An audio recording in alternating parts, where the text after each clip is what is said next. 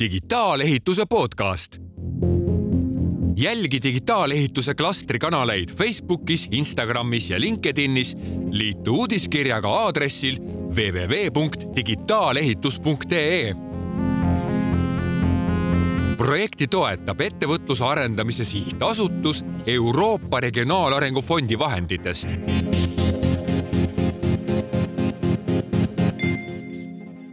tere tulemast kuulama järjekordset digitaalehituse klastri podcasti, mis räägib siis eh, ehitusvaldkonnast ja selle vähemal või rohkemal määral eh, digitaliseerimisest. mina olen Jaan Saar ja muidu töötan eh, Majandus- ja Kommunikatsiooniministeeriumis digieehituse valdkonna juhina. aga mul on au ja rõõm ka seda podcast'i seeriat vedada ja host ida. ja täna salvestame me juba seerias kolmandat osa. ja kui me varem rääkisime siin erinevatest riigialgatustest ja üldse, mis see digiehitus kui selline on, mis loom mitme jalaga, mitme sarvega ja sabaga, siis edaspidi me lähmegi iga, iga teemaga või iga podcast'iga natuke süvitsi mingisse konkreetsesse teemasse. ja täna on meil väga põnev saade, ma võiks juba ette öelda Äh, käsitleb väga aktuaalseid teemasid äh, või noh, ühte teemat, mida, mida paljuski võib lugeda ka või peetakse kohati siukseks äh, toa keskel olevas, olevaks elevandiks. ja mis on siis tehisintellekt. ja see, see on sihuke väga kõlav sõna, aga, aga püüame siis lahata veidi, mida see tegelikult tähendab ja, ja mis see just nagu meie, meie valdkonnas ehk siis ehitusvaldkonnas tähendab. aga lisaks minule siin äh, toredas ja hubases stuudios äh, on ka veel äh, paar külalist. mul on siin seekord küll ainult mehed stuudios. alati on hea, kui oleks ka mõni naisosapool nii-öelda tasakaalukam ja, ja kes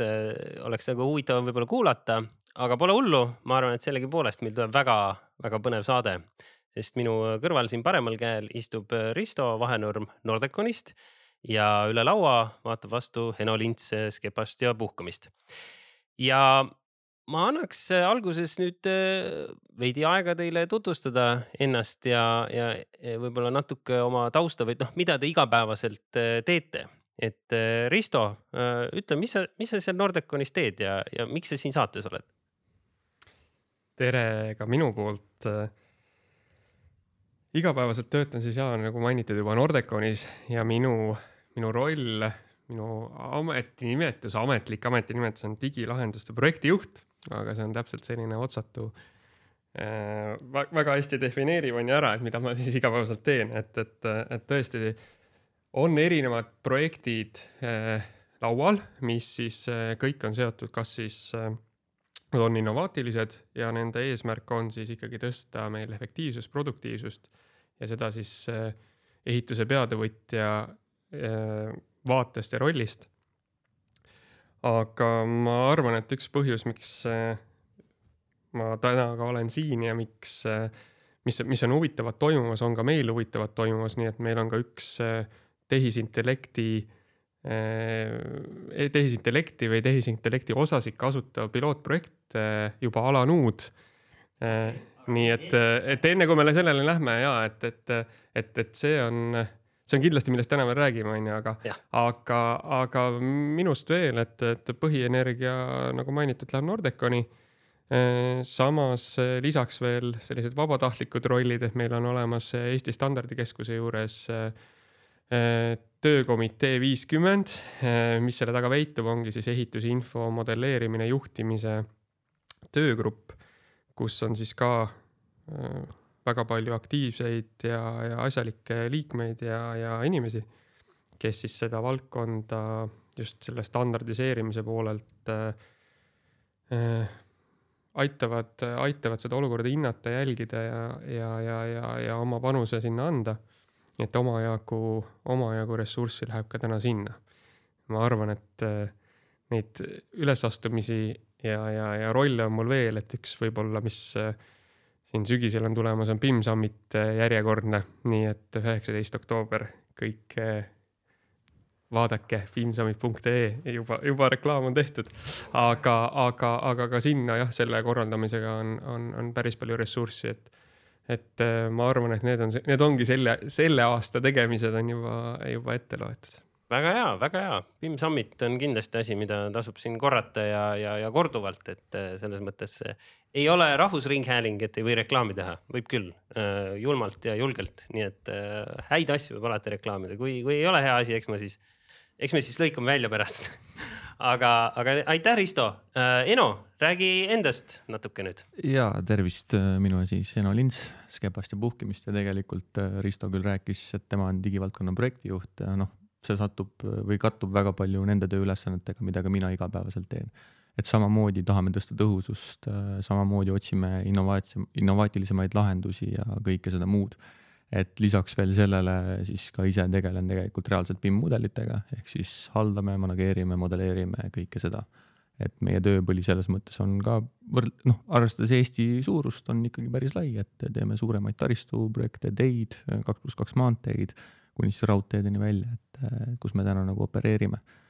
et äh, see ongi minu igapäeva selles mõttes töö, et, et muuta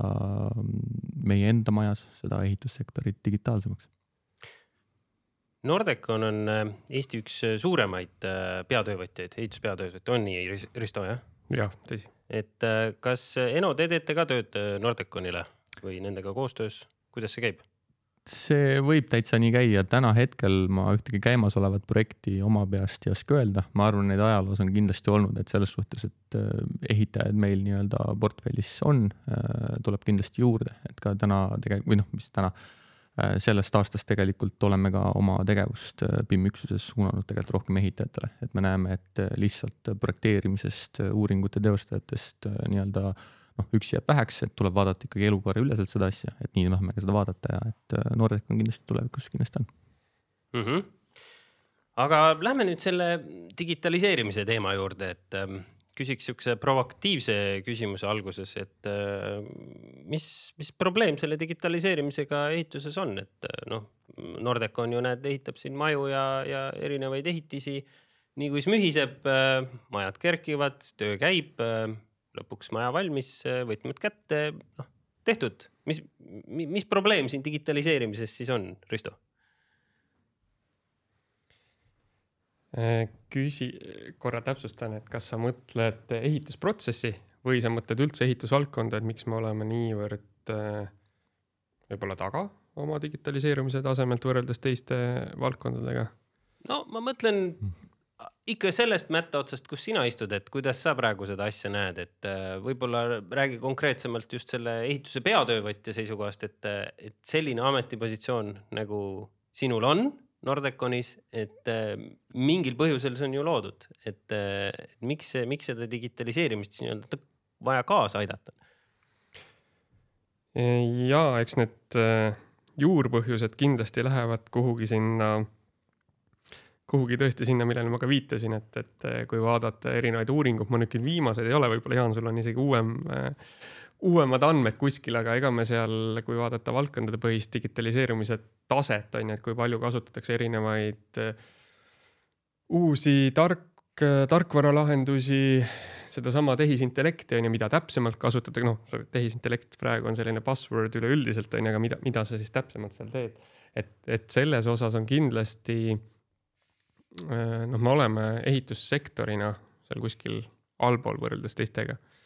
aga, aga ehituses äh, ma julgeks küll öelda, et see tööpõld on nagu üsna lai, et olenebki nüüd profiilist, et milline, milline ettevõte äh, sa oled, on ju, et kui nüüd tuua Nordeconi näide, siis ehituse peatöövõtu ettevõte ja, ja meie põhitegevus ongi ehitustegevus ja ehitustegevuse juhtimine. et just nimelt juhtimine, erinevad juhtimis äh, Äh, tööriistad, meetodid ja, ja, ja kindlasti, kui vaadata juhtimise poolt, siis noh, täna juba ka ai suudab erinevaid selliseid komponente teha, mis teevad sul igapäeva selliseid tüüptegevusi, võiksid teha siis lihtsamaks, on ju, et, et sa suudad just nimelt äh, mm, võib-olla vaatame selle nurga alt, et mida see tehisintellekt siis tänasel hetkel, kus see plahvatus on nagu toimunud, et peamiselt on see plahvatus toimunud sellest, et tehisintellekt on mm, kogu selle arvutusjõud on, on suurenenud, on ju, et ta suudab protsessida üha suuremaid andmehulkasid ja, ja teha ka selle pealt mitte ainult siis lihtsaid otsuseid, vaid ka juba natukene keerukamaid otsuseid oota, aga enne kui me selle tehisintellekti juurde ikkagi selle, selle eluka ette võtame, räägiks võib-olla natuke veel nagu algelisematest asjadest või selle digitaliseerimise nagu äh, esimestest sammudest nagu ehitise infomudelid ja, ja, ja erinevad digilahendused, mille kaudu siis infot juhitakse, et et kuidas sa nagu hindaksid või ütleksid, et, et esiteks, kuidas see seis Nordeconis on ja, ja võib-olla kuidas ta üldiselt meie ehitusturul on, sest noh, mulle on jäänud mulje, et Nordecon ikkagi on, on üks nendest äh, pigem innovaatilistest firmadest, kes ikkagi rakendab äh, rohkem äh, nii, nii BIM-mudeleid kui ka näiteks, ma ei tea, tahvelarvuteid objektidel, et. aga noh, samas ma ei, ma ei käi nendel objektidel iga päev, et, et kuidas sa võib-olla natuke avaksid seda, seda igapäevatööd, et, et võib-olla meie kuulajad on ka mõni, kes ei ole nii-öelda sektorisisene inimene, aga tahaks aru saada, et noh et noh, mida see digi, digiosa seal ehituses ikkagi tähendab, et, et, et paberi peal vist enam ei tehta asju, on ju paberi peale printida on ikkagi jätkuvalt vaja ja ma arvan isiklikult, et see ei, ei kao mõnda aega kuhugi. kõige tähtsam on see, et see paberi peal olev info vastab sellele, mida siis tarkade vahenditega tehakse. aga tulles siis ja kui rääkida Nordeconist, siis tõepoolest ka Nordeconi strateegia mis, mis me oleme endale seadnud, on siis olla ka innovatsioonis, innovatsioon, innovaatilistes lähenemistes ja, ja just produktiivsuses selgelt turuliider ja, ja, ja erinevaid asju katsetada. et võib-olla üks selline väga ise, iseloomustav Nordeconile tänapäevases protsessis on see, et juba mudelid, BIM-mudelid on ka meie tegevuste selgroog, ehk siis me kasutame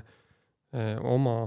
tööde tegevuste juhtimisel ka BIM-mudeleid, et, et, et see on selline täiesti tava, et, et sellest lähtuvalt tulenebki, tulenevadki sealt siis erinevad muud on ju protsessid ja siis muud tarkvarad, et et jaa, et ütleme, sihuke mudelipõhine juhtimine on, on täiesti selline märksõna. Aga kuidas ja... on lood äh, alltöövõtjatega, kas nad on sellega kohanenud, kas te õpetate neid, et äh, peatöövõtjana teil võib muidugi kõik äh, väga äge olla aga, aga kohapeal on noh, sellised tüübid, kes võib-olla väga hästi ei jaga seda. ja no igale platsile ma võib-olla praegusel hetkel ei näe, aga kui vaadata sihukest keskmist nagu taset, siis ma, ma usun küll, et, et alltöövõtjad on väga ilusti kaasa tulnud, et, et siit isegi eh, seda enam, et, et mõned alltöövõtjad võib-olla ise tunnevad, on märgata, tunnevad rohkem huvi, tulevad ise, näitavad, aa, kuule, mul on selline näiteks software äpp on ju. et kasutan seda, et kuidas siis, kuidas siis saada alltöövõtja vaatest on ju, kuidas ma ise saan efektiivsemalt tegutseda ja, ja lõpuks noh, kõige olulisem on see koostöö, et kus see, kuidas ja mismoodi see info liigub, et nagu ikka, paljud asjad on seotud kommunikatsiooniga, et erinevad ka kommunikatsioonivahendid, äpid, noh, igal juhul, et on, on väga teretulnud, sellepärast et see ehitus, ehitusplatsil on ju sihuke tegevus on väga, võib-olla kohati väga hektiline. ja, ja, ja ma arvan, et, et siin on eelis kindlasti nendel, kui mõni selline tarkvaraarendaja siin praegu on kuulamas, et, et eelis on kindlasti nendel, kes suudavad nagu võimalikult lihtsustada või teha sihukese lihtsa protsessiga, ma ei tea, soft'i või äpi mis siis, mis siis tõepoolest seda igapäevatööd nagu aitaks teha, et see tundub võib-olla kõrvaltvaate nagu teises valdkonnas olla, et tundub nagu hästi primitiivne, et, et kuidas sa teed, ma ei tea, mõne checklist'i lihtsalt on ju. aga tõepoolest mõnikord ongi vaja sellist hästi lihtsat, kuidas ma ütlen, ma ei tea, sisestusvõimalust, sellepärast et see aeg on lihtsalt nii kiire või sul läheb, lähed järgmisesse, ma ei tea, teed mingit ülevaatust, lähed järgmisesse tuppa on ju ja sul on juba eelmise korteri või toa asjad on juba ununenud, noh näiteks vaadatakse üle seal korterite puuduseid või midagi sellist, on ju, et need lahendused, mida, mida lihtsamad, kiiremad need on äh, kasutaja, kasutaja jaoks, seda, seda kindlasti parem. Ja, ja meie platsidel on äh, ka kasutusel, on, on siis äh, nii-öelda kõigil üle platside, aga, aga, aga kindlasti kõigil on ka võimalus meil katsetada, et kui tõesti on mõni uus äpp, siis tähendab, mõned, mõned meeskonnad väga hea meelega katsetavad ja proovivad uusi asju ja, ja, ja selles mõttes on väga-väga-väga kihvt, et Nordeconis on sellised, tõesti on sellised meeskonnad, kes on väga ka avatud innovatsioonile, et see on nagu ka üks märksõna, et see mõtteviis on juba seal, et ku, kuidas veel nagu kaugemale ja paremini oma asju teha. No vot, väga hea oli kuulda seda nii-öelda ehitusplatsi vaadet ja peatöövõtja poolt, aga Eno, räägi, kuidas see, kuidas see noh, sama küsimus sama, sama nurga alt, et see digitaliseerimise nagu alustalad äh, projekteerimises praegu väljenduvad, et ega Skepast ja Puhkim ei ole ju ka, ma ütleks nii-öelda äh, vähem innovaatiline oma, oma sektoris, et muidu sa istuks siin stuudios praegu, et me ikkagi üritame leida neid, kes eh, võib-olla natuke siuksed eh, teerajajad ja, ja, ja rajad allajad ees on, et. Et räägi, räägi oma, oma tööst ja, ja projektmeeskonnas, et kuidas eh, projekteerimismeeskonnas asi ja, käib. ja absoluutselt, et tegelikult siin, kui Risto käest küsisid, juba natuke mõtlesin selle küsimuse peale, et kui su esimene küsimus oli, et noh, mis on siis nagu lahti on, et, et digitaliseerimist ongi liiga vähe, et see ongi lahti, et see on see suur tuumprobleem kahjuks lahendus ei ole selline, et meil on üks võluvitsake, et teeme selle korda ja kõik laheneb.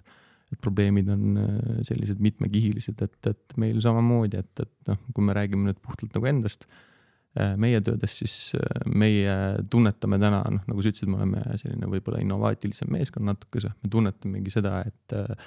et võib-olla need nõudmised ei jõua enam meie ootustele järgi, millega teile tellitakse projekte. Äh, need äh, noh, väga palju on sellist veel ütleme projekteerimises sellist äh, vanakooli või vanakooli mõtlemist natukese, et, et ainuüksi noh, me kindlasti ka sinna jõuame, et me soovime arendada oma nii-öelda skripte ja asju selleni, et noh, projekti vormistamine käib juba nupuvajutusega. aga seal on üks takistus, takistus on need joonised, et jooniste vormistamine nupuvajutusega teha on väga keeruline, mudelit on võimalik. aga kas sa mainisid, et, et on nagu see mm,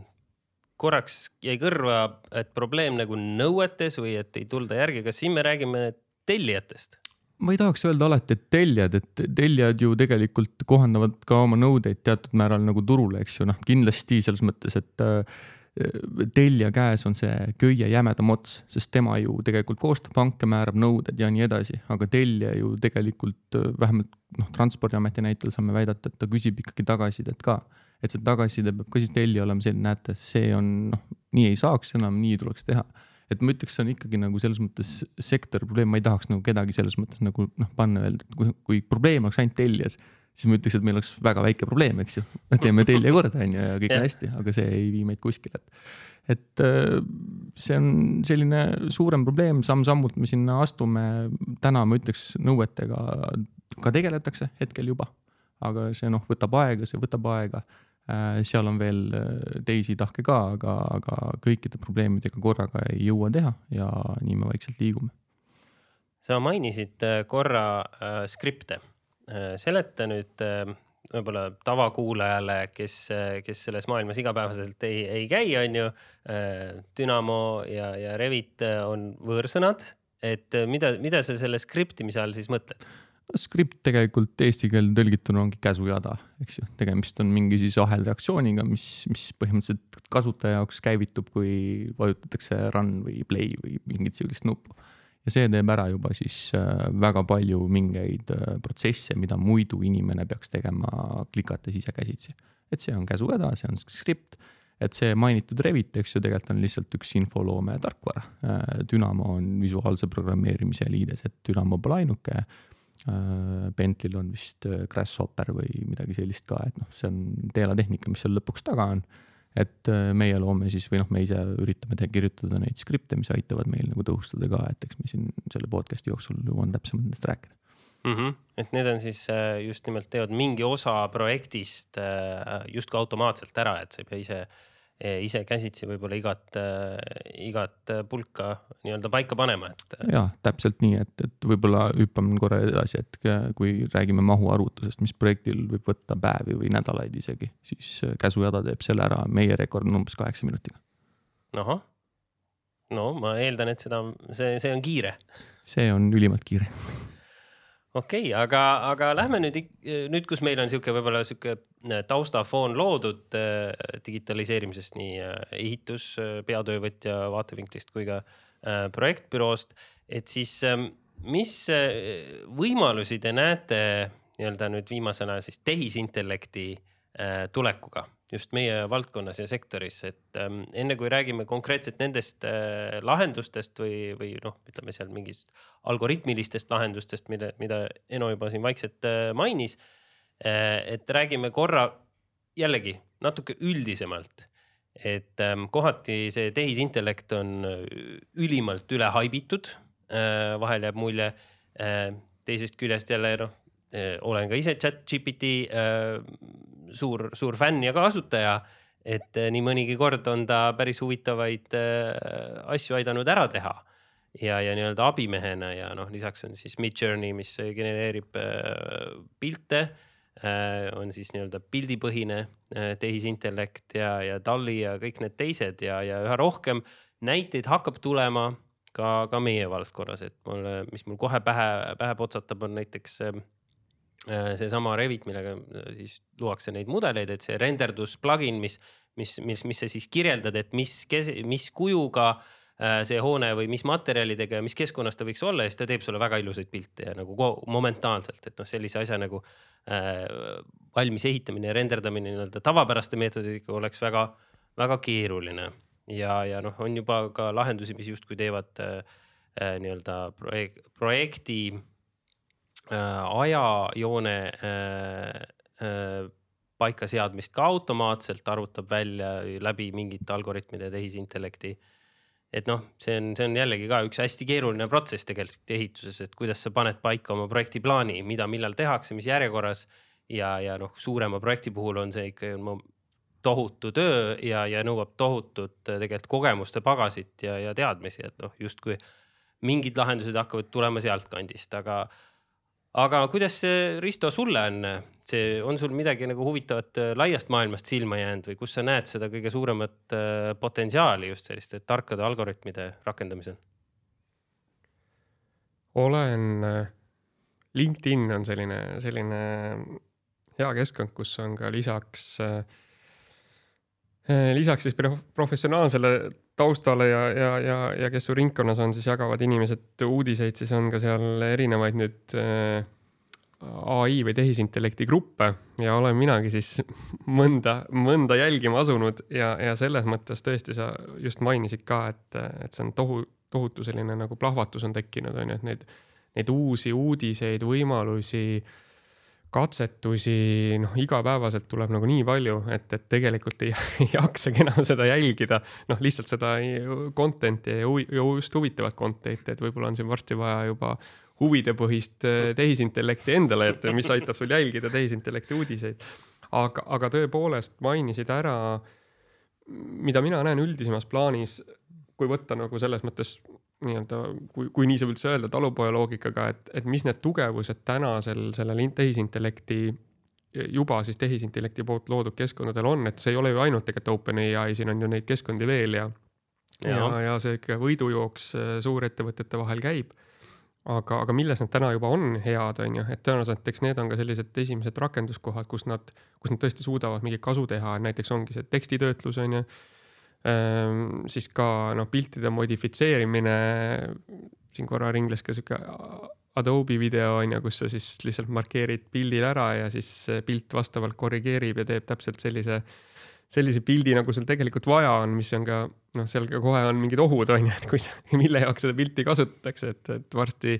minul tekkis küsimus, et kas meil varsti on vaja mingit anti-ai-d on ju, mis ütleb sulle ära, et kuulge, et neid, seda infot on äh, töödeldud ja seda infot tegelikult ei ole, et varsti ei saagi enam aru, et mis see, mis see algpunkt oli, et väga keerukas on ka seda nagu jälgida või jälitada.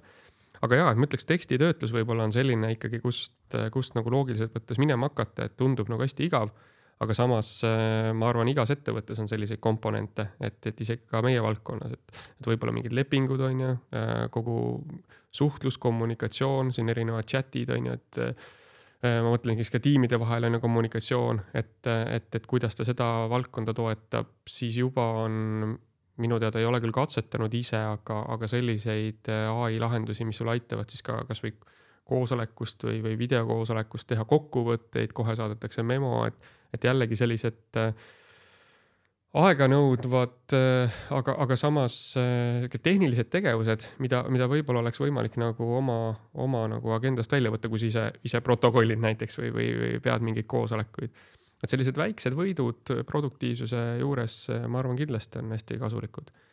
aga kui nüüd jah, võtta nagu eriala spetsiifiliselt veel, siis mina olen ka tähele pannud, et, et kõige rohkem hakkab selliseid näiteid või use case'e tulema siis äh,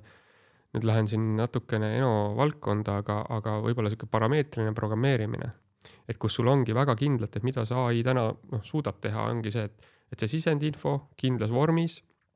äh, annad talle ette, et kui mõni aeg tagasi oli siis äh, tehisintellekti mudelid on ju sellised, et, et, et sul oli väga selgelt teada, mida ta nagu õpib, see on ju, et, et, et see tehisintellekti enda õppeprotsess oli nagu kontrollitud, on ju ja siis äh, äh,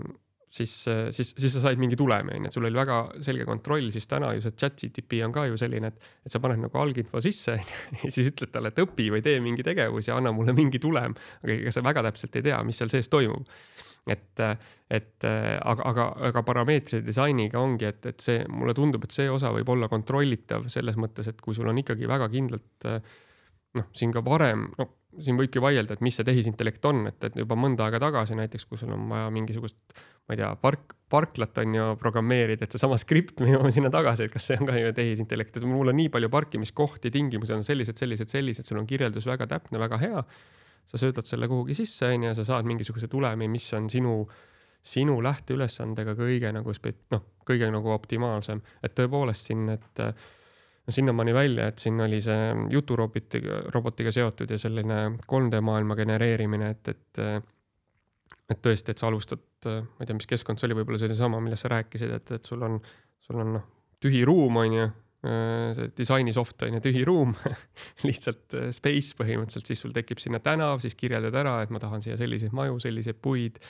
see noh, et lihtsalt kirjeldad tekstina ja siis ar arvuti või tehisintellekt joonistab sulle või kujundab selle maailma sinu jaoks, et et noh no., see on ka väga põnev, aga kuidas siin praktilist kasutust leida, no sinna läheb vist natukene veel aega, aga. ja, ja, ja ma olen ka näinud neid ähm, just neid 3D genereerimise lahendusi, aga nad on hästi palju suunatud just võib-olla mängude, mängutööstuse jaoks ja siukseks entertainment, et noh, ta on, ta on, ta on ilus, visuaalne aga vaata, ehituses on oluline täpsus ja vastavus nõuetele ja standarditele, aga ma olen näinud ka, äh, just tuli meelde üks hea näide oli äh, Blender BIM äh, tarkvara, mis on ka vabavaraline 3D projekteerimistarkvara ja modelleerimine, noh, hästi üldine, ta ei ole otseselt just ehitusvaldkonna oma, aga seal oli ka pandud juurde see chat GPT tugi, et kirjutasid tekstikasti inimkeeles, et ma tahan, et selline äh, nii kõrge, nii suur, nii mitmest kuubikust koosnev asi, et äh, tee see valmis mulle, et noh, sealt äh, on mõni samm veel edasi, et tee mulle nüüd hoone valmis. aga, aga Eno, kuna me juba siin niimoodi pikemat aega sinu äh, kui projekteerija vaiba peal trambime, et, et räägi, mida sina oled tähele pannud tehisintellekti võimetest ehitusvaldkonnas ja projekteerimises? no ütleme, võib-olla lühidalt öeldes need võimed tunduvad, et mida aeg edasi, seda piiram-, piiramatuks nad lähevad, eks ju, arvestades meie tänast võimekust, siis võime täna julgelt öelda, et meil on piiramatu võimal-, noh, lahendus ükskord ees. Äh, kui me tuleme siia projekteerimise juurde tagasi, siis ka Infrabim Openil tegelikult tutvustati ühte ai lahendust. kui sinna sisusse süübida, siis tegemist oli algoritmiga, et olla täpne. aga see selleks, eks ju, et äh, lahendus iseenesest on põnev, et see, et juba suudab äh, kas siis algoritm või ai paika panna sulle A-st ja B-st, A-st punktist A punkti B mineva teelõigu, eks ju, koos rajatiste ja kõikidega ja arvutada selle pealt välja maksumuse. et need võimalused on olemas. takistus siin äh, tõenäoliselt ühel hetkel on, on ka seadusandluses, eks ju, kes vastutab selle lahenduse eest, mida ai genereerib, et kas ai tootja, kas äh, ai kasutaja või tellija, eks ju, aga noh, see selleks, eks ju. Need on äh, kõik tuleviku probleemid tulen siia ühe küsimuse juurde tagasi, et mida see ai võimaldab, ma täna ütleks, et kui täna tuleks ai-d minu silmis vaadata sellise väga hea abimehena, et äh, ta ei suuda veel hetkel meil kõiki asju ära teha, aga ta suudab sellist äh,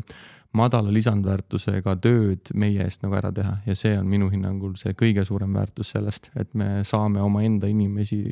suunata tegema suurema väärtusega tööd samas arvutid koodivad, et algoritmid teevad ära selle mudri-mudri ja see on see suurim võit ja seal on tegelikult meil väga-väga suur võit. et äh, see on see suur, suur suund, kus asi, asi läheb ja, ja ootame ainult nagu põnevaga, põnevusega, et täna jah, meil endal sellist äh, huvitavat ai lahendust ei ole, aga rõhksõnal täna. et me ei tea, mis toob homme või ülehomme, et, et me kindlasti sinnas suunas ka liigume nojah, enne kui me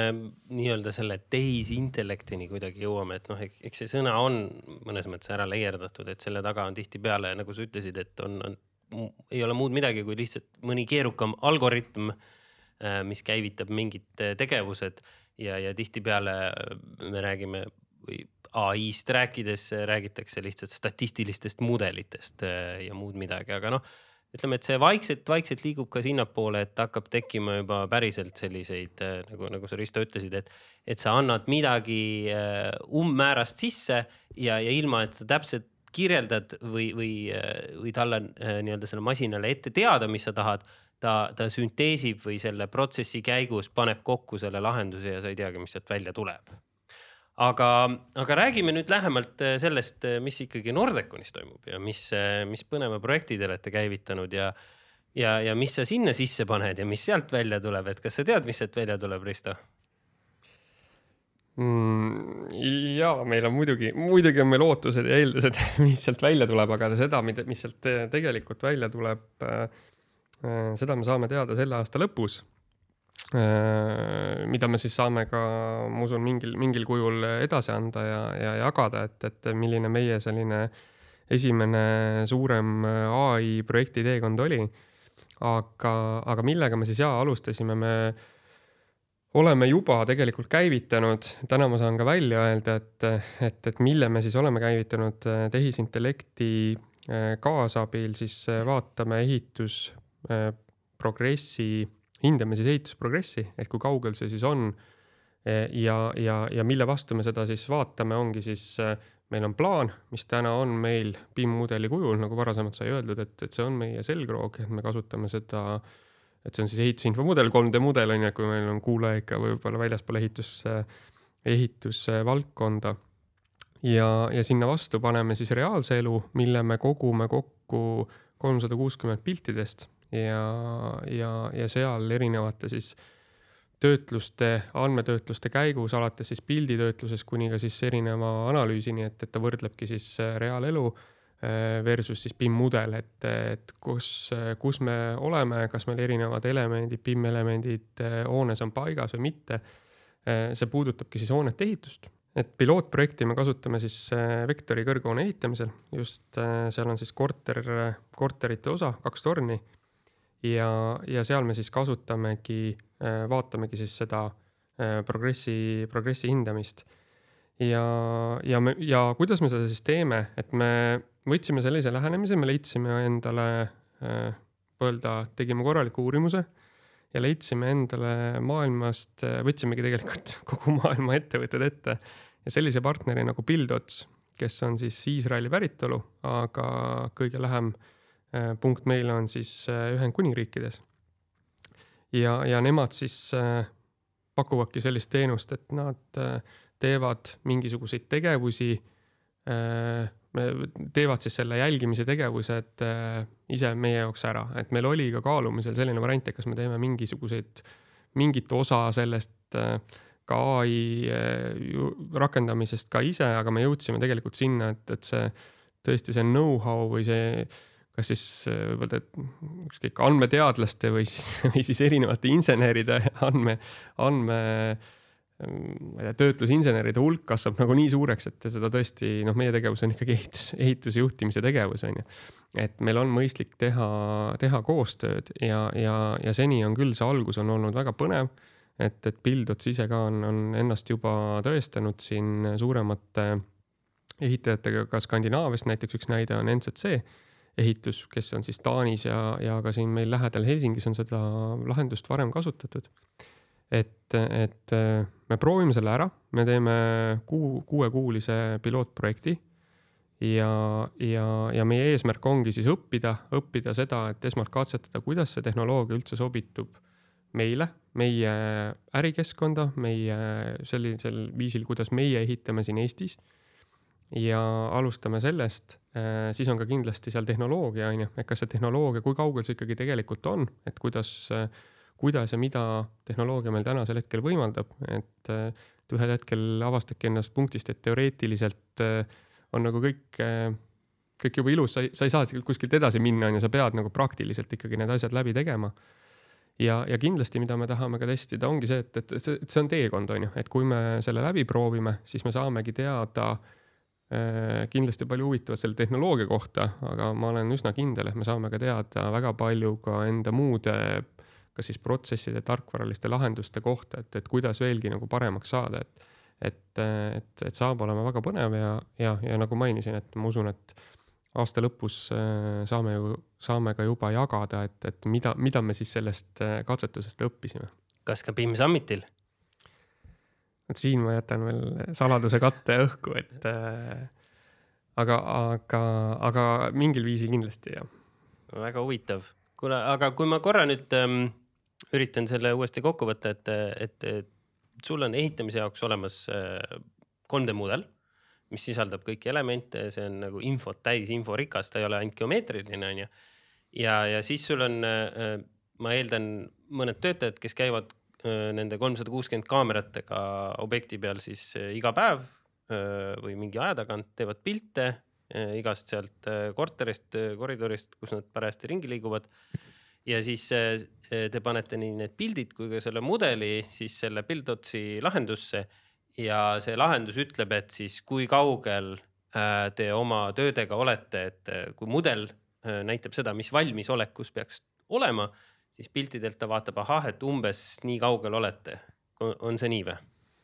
ja no põhimõte, põhimõte tuli siit läbi ja just nimelt, et seda me katsetame ja lisaks, mida ma ei öelnud ka, või no ongi, et kuidas sa tead, kui kaugel sa oled, on ju, et siis tuleb mängu ka ajakava, et ajagraafik ja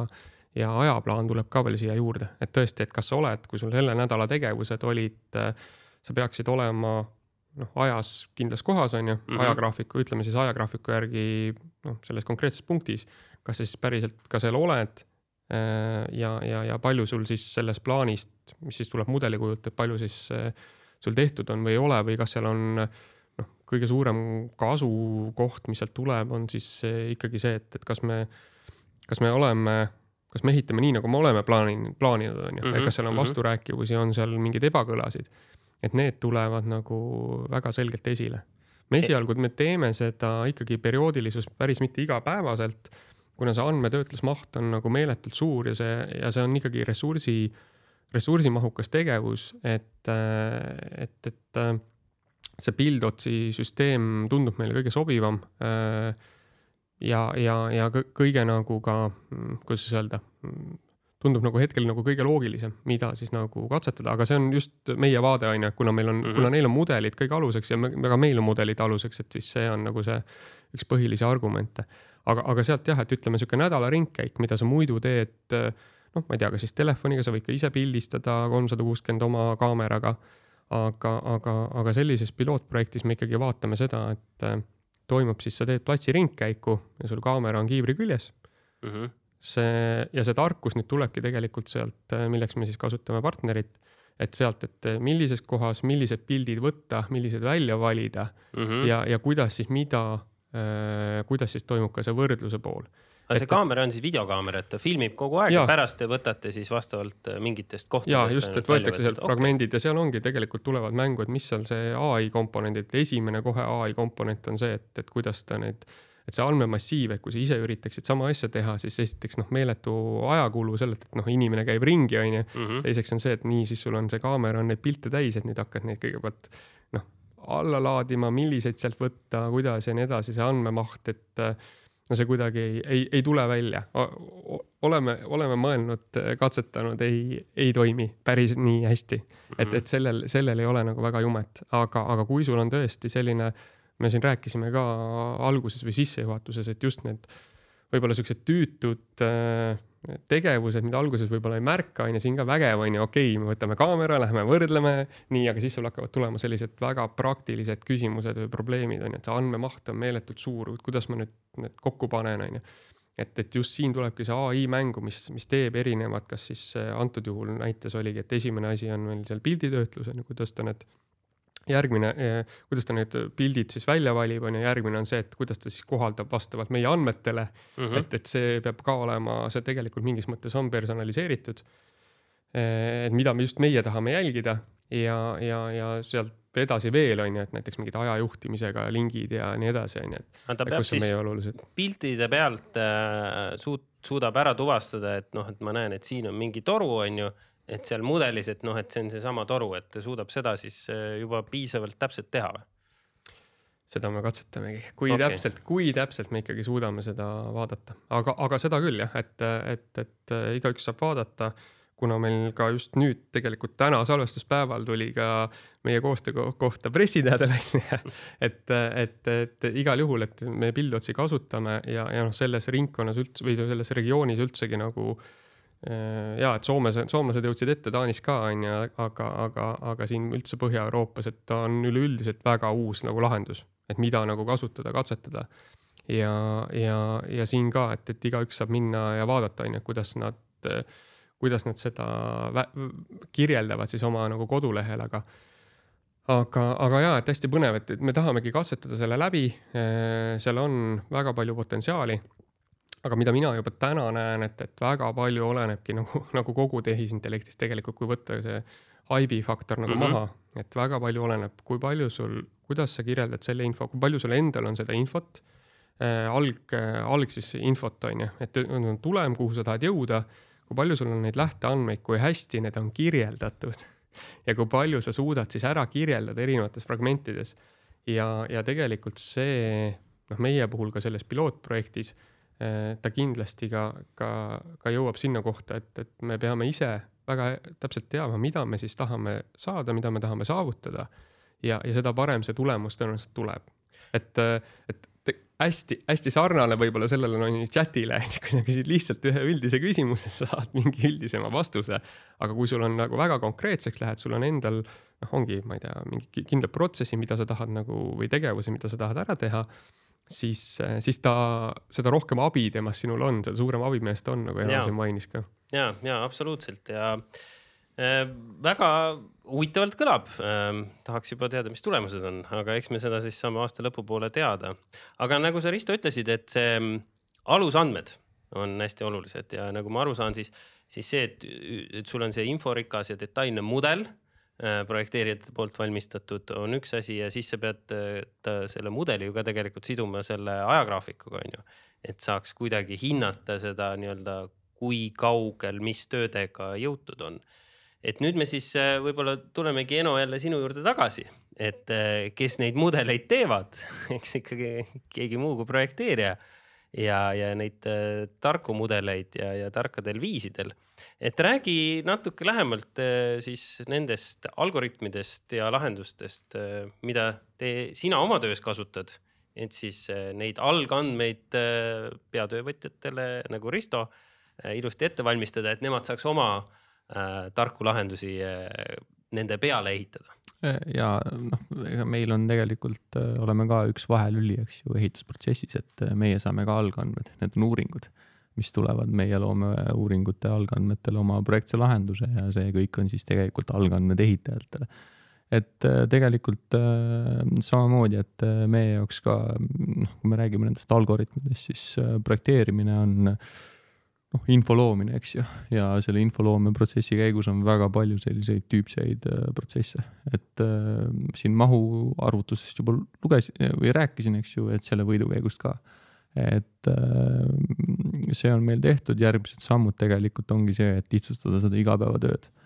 et äh, hüppan korra nüüd etteruttavalt ette, et tänaseks päevaks ma juba ise aeg-ajalt töötan kahe arvutitega, kus üks arvuti on tegelikult lihtsalt jõujaam skriptide läbijooksutamiseks ja teise arvutiga siis teed seda, mis, mis skript teha ei suuda veel täna.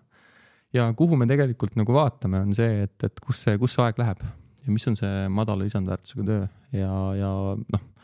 tänasel päeval pole vast mingi saladus, et tegelikult see BIM-i tulek on, on äh, info sellist, kuidas ma ütlen, nõudlust äh, kasvatanud. et äh, infomaht on läinud sellisest asjast, mis aastaid tagasi mahus kingakarpi mahub nüüd kuskile pilveserverisse ainult, eks ju, et mm, -hmm. et selle tõttu selle info tekitamise juures noh, seda töömaht on kasvanud ja see ei ole suure lisandväärtusega töö projekteerijale ja kuidas me siis vaatame seda asja, on täna see, et, et üks pool on see parameetrilise disain, info loomine, teine on selle info siis ehitajale vormistamine. lihtsam on see vormistamise pool ja selle aasta alguses tegelikult äh, siis sain või saime valmis äh, skriptid, mis on tinglikult ütleme, et saime valmis, sest nad töötavad, äh, on, on tingimusi, kus nad ka ei tööta. et see on selliste arenduste suur nagu probleem, et enda arust teed mingi hea asja ära, siis viid lahinguväljale ja noh, tegelikult see tuleb sealt kahurilihana tagasi, eks ju väga kehv võrdlusega.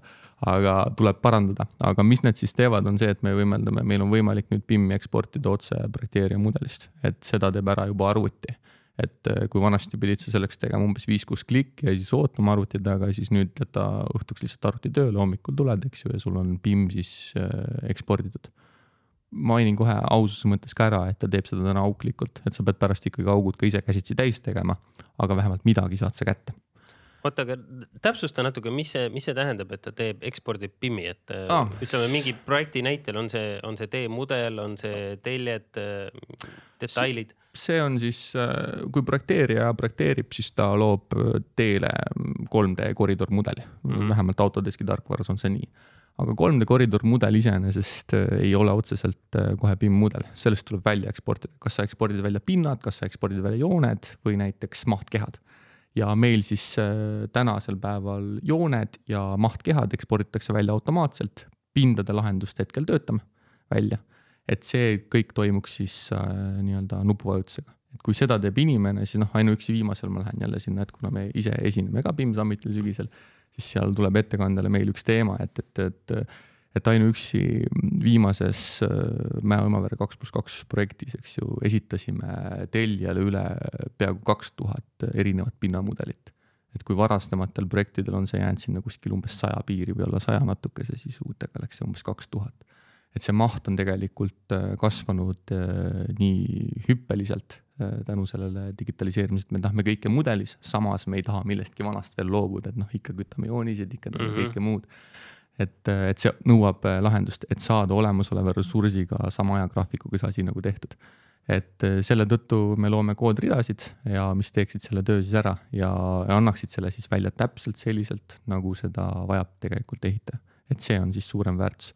Et loomulikult ehitajal võib olla seal mingeid protsesse, mis ta peab selle meie saadud infoga tegema, et oleks nende masinatel, nende asjadel, nende seadmetel söödav aga see noh, sellega meie ei saa kindlasti tegeleda, see ongi iga ehitaja enda, enda rida. aga et see info, mis läheks, oleks, oleks kõige parem nii-öelda neile. et seda me, seda me tegelikult äh, täna teeme ja noh, need esimesed nagu näited on siin näidanud ka, et ikkagi selline inimtundides nädala aja töö, eks ju, see tehakse ära seal ikkagi umbes ühe päevaga. et see on nagu see suund, aga noh, siinjuures ma ikkagi rõhutan veel üle, et, et sada protsenti kindlust me veel täna pole saanud et äh, kui me kaks tuhat kakskümmend või isegi kaks tuhat üheksateist aastal alustasime nende arendustega, siis noh, algul oled mäejalamil, see esimesed sammud on suhteliselt lihtsad, suhteliselt kerged, mida tipu poole lähed, seda keerulisemaks läheb. Et loomulikult me lootsime ka, et meil on sellel aastal oi ägedad lahendused, tuleme BIM Summitile, noh teate, projekteerime kohe seal laivis mingi tee ära. no nii see asi päris ei lähe, et, et, et nii ägedaid asju saaks nagu näidata. aga me liigume selles suunas, see on nagu selge, selge asi, mis, mis mis toob nagu seda edu ja mis toob seda nagu väärtust kaasa, et, et inimesed tunneksid, et nende tööl on väärtus, mitte lihtsalt, et see on linnukeste täitmine kuskil, et see on see suur asi. Okei okay,, siin on, siin on kaks täpsustavat küsimust, mis ma tahaks äh, kindlasti sult küsida, aga enne, enne seda ma proovin jälle selle nii-öelda lahti mõtestada enda jaoks ja, ja ka kuulajate jaoks loodetavasti, et et kui ütleme siis seesama tee projekteerimine, et teede projekteerija, tema teeb äh, nii-öelda selle selle lahenduse nii-öelda nagu sa ütlesid, siukse koridorlahenduse, 3D koridorlahenduse, kus on kõik äh, vastavad äh, kalded, vastavalt normidele, laiused, äh, you know ja kõrgused paigas. aga selleks, et siis teede ehitaja ja, ja teede ehitajad kasutavad ka Eestis väga tarku masinaid, mis juba võtavad vastu neid pinnamudeleid, ma saan aru. et sellest, sellest nii-öelda projekteerija tehtud ähm, käsitsi tehtud 3D koridorist saada kätte need pinnamudelid, selleks kulus päris palju aega varem ja, ja see oli päris manuaalne töö, et nüüd siis olete te suutnud selle ära automatiseerida, et see käib siis nupuvajutusega ja, ja see andmemaht, ma saan aru, on ka meeletult kasvanud siin viimaste aastatega, et lihtsalt,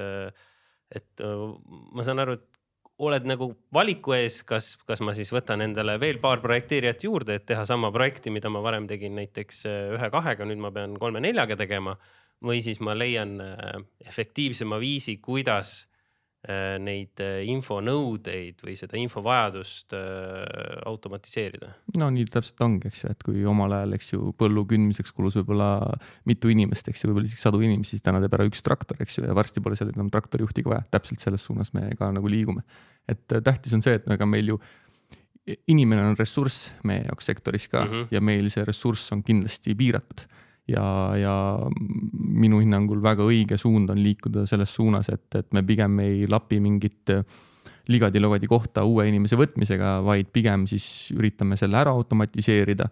ka mingil juhul ma arvan, et kuna me oleme hetkel, ikkagi ma ütleks, et me ikkagi liigume sellest, ütleme siis analoogmaailmast digitaalmaailma ehituses veel. Et ma ei tahaks öelda, et me oleme täpselt digitaalses maailmas ja samas mm -hmm. me ei ole kindlasti analoogis et seal peaks võib-olla selle ukse peal peaks natuke ka vaatama, et võib-olla kõike ei tuleks analoogmaailmast kaasa võtta, et kui me liigumegi digitaalsesse suunda, siis võib-olla saame jalad ennem puhtaks teha, et, et, et see digitaalne leht oleks, oleks puhtam ja väärtuslikum. aga noh, see on jälle selline nõuete ja selliste asjade teema küsimus, eks ju. aga, aga noh, see on see suund, et, et väärtustada ikkagi lõpuks peab väärtustama inimest ja see, ja see, mis iganes, kas lõpuks on ai, on ta algoritm, on ta mingi skript teelatehnika, peaasi, et töötab, eks ju, peaasi, et ta väärtust loob, see on nagu see kõige suurem asi. Mulle väga meeldib, kuidas siin sellest vestlusest just, et meil on see peatöövõtja nägemus ja meil on projekteerija ja, ja, ja kui siin ai-st rääkides äh, inimestel on väga suur hirm, et äh, issand jumal, ta ju võtab mu töö ära, et ta asendab inimesed, et ainult masinad teevad, et mis inimestele jääb. siis äh, mulle tundub, et siit väga hästi kõlab välja see, et tegelikult see töö iseloom on muutunud. ühest küljest äh, meil on vaja rohkem informatsiooni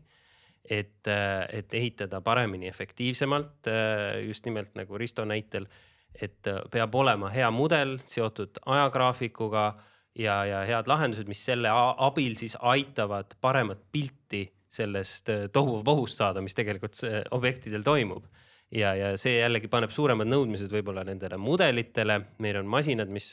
suudavad jällegi kiiremini ja paremini, täpsemini ehitada. ja, ja nende jaoks on ka samuti rohkem infot vaja ja, ja selle asemel, et siis nii-öelda panna rohkem inimesi muudkui äh, käsitsi tootma seda, äh, kasutame neid, seda vähest ressurssi, mis meil on. Äh, ja proovime sellega siis töötada targemalt. et siis lõppkokkuvõttes jällegi võib-olla seda ehitussektori tootlikkust tõsta. absoluutselt, see on absoluutselt see õige suund, et et see, kui keegi kardab ehitussektoris oma töö pärast, siis seda hirmu nagu ma arvan, ei ole, et see tähendab lihtsalt seda, et võib-olla ühel hetkel mingitest ametikohtadest sa pead lihtsalt ümber õppima, et, et tänases muutuvas maailmas me kõik peame olema valmis ümber õppima, eks ju, et, et see on ka üks elu loomulik protsess, et võib-olla see ongi see selline ma ütleks vanem mentaliteet võib-olla, eks ju, et, et mul on üks töö, ma tahan seda teha, ma olen selles nagu turvaline, et noh, see nüüd enam uues võib-olla ühiskonnas ei kehti, et sa pead olema valmis muutusteks, sa pead kohanema nende muutustega ja valmis olema siis nii-öelda edasi arendama. No kõik muidugi nendeks muutusteks ei ole valmis ja, ja, ja osadel inimestel äh, täiesti arusaadavatel põhjustel on seda raske teha. Aga, aga Risto, ma veel küsiks võib-olla siin enne kui meie aeg päris otsa saab äh, sinult ka selle äh, selle töökohtade küsimuse, et kuidas objektijuhid vaatavad äh, sinu poole, kui sa seal nende kolmsada kuuskümmend kaameraga ringi käid ja nii-öelda automatiseerid seda äh, progressi või, või hetkeolukorda objektilt, sest tavapäraselt on ikkagi ju see objektijuht nagu, nagu kapten laevas on objektijuht ehitusplatsil, et tema teab, kus maal asi tegelikult on ja, ja kust king pigistab ja mida vaja teha ja mida prioritiseerida ja, ja kust äh, vaja tulekahju kustutada nii-öelda piltlikult. et äh, kas nemad või objektijuhid äh, pigem vaatavad sellise väikse kartusega või siukse, siukse pessimistliku hoiakuga või nad ikkagi vaatavad ja näevad selles nagu võimalust, nagu Eno ütles, et natuke ümber õppida ja, ja oma töö lihtsamaks teha ja võib-olla muudele asjadele keskenduda väga-väga hea küsimus ja minu arvates see, see teema, mis siit just läbi käis, et, et ongi see inim, inimressurss on meil Eestis piiratud. ja, ja mina arvan, et, et see on, see on kindlasti meil miinus, sellepärast et meil ei ole ükskõik, mille sa võtad, meil ei ole IT-insenere, meil ei ole ehitusinsenere, võiks ju olla rohkem, on ju, tulla, tulla meie sektorisse aga samas ongi, et näiteks needsamad äh, innovatsioonid, innovaatilised lahendused annavad meile selle võimaluse, et me, me, me oleme sunnitud otsima neid lahendusi võib-olla kiiremini kui mõned teised riigid on ju, kus see ressurss on niimoodi laialt, inimressurss on siis võib-olla rohkem kättesaadav. et, et see on, see on väga suur võimalus ja, ja tulles nüüd sellesama meie ai piloodi juurde, et see objekti meeskond, kus me seda mm, praegu lahendust katsetame on, on väga suur, et me räägime siin ligi paarikümnest inimesest ja, ja kogu see tiim on sinna pilooti kaasatud ja, ja, ja see piloot ja kogu selle meeskonna äh,. mina küll julgen väita, et nende kõigi silmad selles mõttes säravad, et, et, et ainult äh, tahaks juba äh,. no see koosnebki erinevatest osadest, et üks on selline, et, et sul on see pildistamise osa, on ju Äh, ja, ja hiljem tekivad ka sinna, mida rohkem sa andmeid kogud, on ju, siis toimub mingi töötlus ja, ja, ja tahame jõuda ka sinna, et masin aitaks meil siis midagi nagu noh, kas midagi ka ennetavalt ette öelda, on ju, et see on see nagu see loogika siin taga. et tahaks juba jõuda sinna viimasesse etappi, et, et, et mm -hmm. tahaks näha, mida siis see ai täna suudab meile päriselt nagu teha siis sellises karmis ehitustingimustes ehitusplatsil et, et, et mina ütleks küll, et kõik on nagu ülimalt motiveeritud ja, ja silmad säravad, et, et, et väga lahe, et selline võimalus on, et tehnoloogia tuleb ja aitab meil toetada meie igapäevategevusi ja just ma ütlekski, et, et tegelikult ongi probleem on ka selles, et meie äh, neid, ma ei leia nüüd praegu õigeid sõnu, aga, aga võib-olla selliseid äh, bürokraatlikke või, või, või, või selliseid äh, mm, protsessilisi tegevusi, et midagi peab üles märkima, midagi peab fikseerima, sa lähed, lahendad mõne olukorra kogu aeg ehitusplatsil, midagi juhtub, on ju. et, et, et aru saada, mis see situatsioon tollel hetkel oli, erinevad vaidlused ja nii edasi, et, et kui sul on äh, antud, antud meie piloodi näitel, siis kui sul on nagu kogu aeg põhimõtteliselt pilt ees, siis, siis sealt pealt vabaneb äh, me, meie ootus ja eeldus on, et sealt peab, vabaneb äh, seda väärtuslikku aega, mida siis needsamad äh, meie objekti meeskond on ju tööjuhid, meil on siis tööjuhid, objektijuhid ja projektijuhid, et tegelikult kogu objekti meeskond, kes mingi olukorraga kokku puutub, on ju, et nende aeg sealt vabaneb, et nad saavad tegelikult tegeleda sellega, mil, mis nad, mis on nende väärtust loov töö, on ju. et tõesti, et sa ei käi noh, me räägimegi, eks ta annabki efekti näiteks noh, suurel ehitusplatsil, et, et see, mida me ruutmeetrite arvult, see on üle üle kuueteist tuhande ruutmeetri kortereid, on ju. mida me siis jälgime, et tõesti, kui seal mõni siis objekti meeskonna liige peab siis minema ühte asja kontrollima sealt platsi tagumisest otsast kõige kõrgemalt korruselt ja, ja võib-olla veel mõni lift jupsib ja on katki ja sa ootad seal järjekorras, ühesõnaga see kulutab meeletult palju aega lihtsalt sellepärast, et minna ja vaadata mõnda asja, mida sa kogemata äh,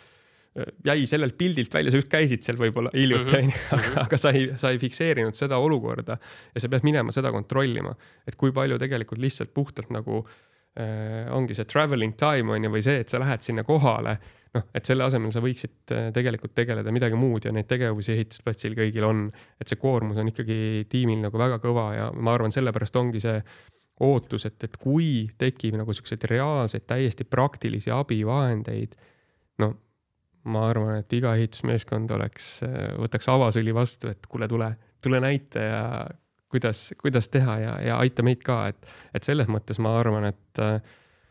fookus lähebki sinna, et, et kui seda nagu mentaliteeti hoida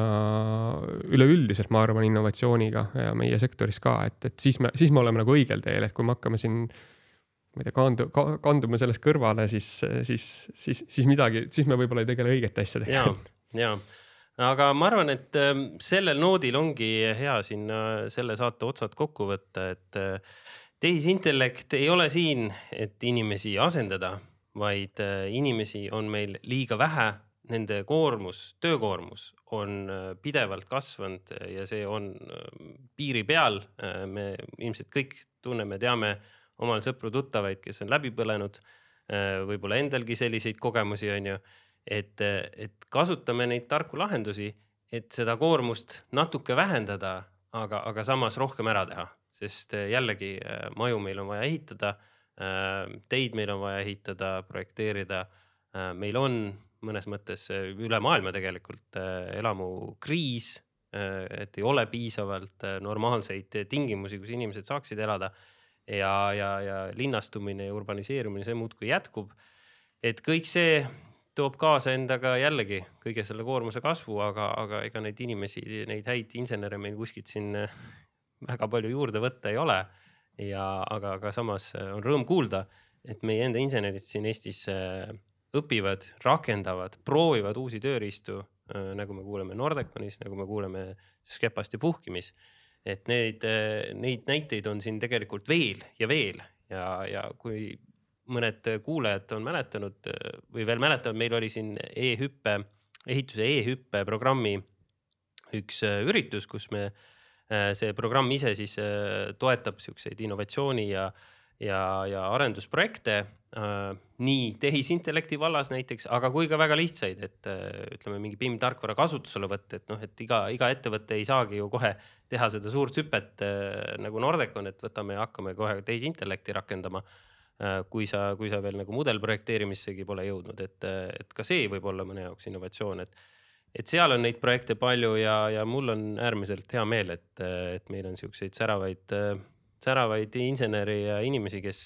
kellel jätkub jõudu ja jaksu ja teadmisi, et neid asju rakendada. aga enne kui me päris äh, kinni paneme selle salvestuse, väike üleskutse ka äh, kahe ürituse osas mis siin koostöös digitaalehituse klastriga on tulemas ja, ja esimene neist toimub äh, kahekümne viiendal augustil Pärnus, suve pealinnas, äh, mõnusas äh, päikeselises mere ääres toimub digiehituse häkaton. ja meil on mitu häkatoni olnud, aga seekord on see erinev mitmel põhjusel. esiteks see, et see toimub Pärnus ja suvel ja, ja see saab olema väga fun just nimelt, äh, et õues ehk ei ole külm ja tuuline. aga, aga teine on see, et äh, sama, seda korraldab siis või me teeme seda koostöös rahvusvahelise tiimiga, AEC Hackathoni tiimiga, kes toob kindlasti sihukest uut hingamist ja uut verd, et et nemad on teinud üle maailma neid häkatone ja neil on oma metoodika, oma viis ja, ja see on väga-väga edukas olnud. ühe, jah, minge vaadake digitaalehitusklastri kodulehelt aga, aga see toimub kakskümmend viis kuni kakskümmend seitse august äh, Pärnus. ja siis äh, umbes kuu aja pärast äh, peale seda, üheksateist kuni kakskümmend september toimub rahvusvaheline digiehituse konverents World of Digital Built Environment, mida me teeme koostöös siis Soome heade sõprade ja kolleegidega, kus ka tegelikult tehisintellektist väga palju räägitakse, väga palju toimub, neil on ka ehituse tehisintellekti konverents seal kuskil talvel tulemas. ja aga, aga väga põnev põnev üritus ja, ja selleks ajaks, kui see podcast eetrisse jõuab, siis nii-öelda äh, early bird piletid on ilmselt äh, juba välja müüdud. aga, aga sellegipoolest äh, soovitan ja, ja kutsun üles osalema ja, ja rääkima. ja kindlasti BIM Summit see on tulemas, Risto, täpselt millal? üheksateist oktoober, üheksateist oktoober. üheksateist oktoober, nii et iga kuu on midagi põnevat digiehituse valdkonnas tulemas Hackathon augustis, VDB septembris ja BIM Summit äh, oktoobris. ja noh, novembris tuleb siis äh, ka e-, ehituskonverents, mis on ka sihukeseks iga-aastaseks traditsiooniks kujunenud, aga seal ei ole ainult digiteemad, seal on, ütleme, võib-olla see laiem pilk, laiem vaade. jah, noh, nüüd sai kõvasti üritusi ja, ja kalendrit, kuupäevi täis pikitud. ma tänan, Risto, ma tänan, Eno, et leidsite aega tulla siia, jagada oma kogemusi ja soovime kõigile kuulajatele siis eh, edukat eh, ai rakendamist ja õppimist, sest ega sellest eh, üle ega ümber eriti ilmselt ei saa. aitäh teile. aitäh. digitaalehituse podcast. jälgi digitaalehituse klastri kanaleid Facebookis, Instagramis ja LinkedInis. liitu uudiskirjaga aadressil www.digitaalehitus.ee projekti toetab Ettevõtluse Arendamise Sihtasutus Euroopa Regionaalarengu Fondi vahenditest